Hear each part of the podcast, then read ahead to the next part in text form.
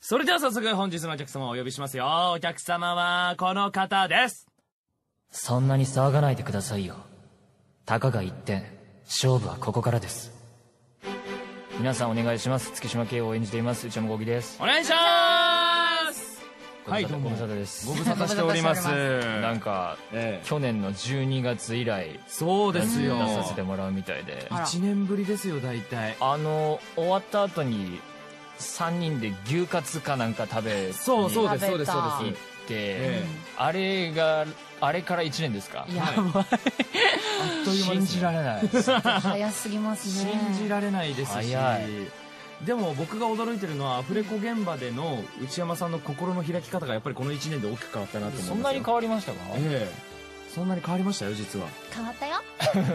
よほら内山それやれば俺喜ぶみたいな感じになって消せない喜んでるん だなでも顔が赤くなってくんだよ。荒川んじゃないよ意外と僕ら内山さんのこと見てますよしっかり見てます。本当あっという間だなと思っててね、ええそれで、ね、今回の配給のアニメも、はいもうすぐ最終回も見えてきたというところで、そうですなんよかそれも含めてはい時が経つの早いなと、早いですもういようなこと思ってますけども、えーこの3期で、まあ、ツッキー大きく成長したわけですけど、いや、まあ、ほうほう成長はし続けてきたわけですけどね、はいはいえー爆発したわけですけど、うん演じてみてどうですか、いやーなんかいろいろ難しかったですね。ほうほうほうその変化っていうのを、ええまあもちろん徐々に徐々に、そのセカンドシーズンの合宿のあたりかはいらはいいはいろいろこれまでにないものあったんだけど、なんかそれをいざこう表現していくってなった時に、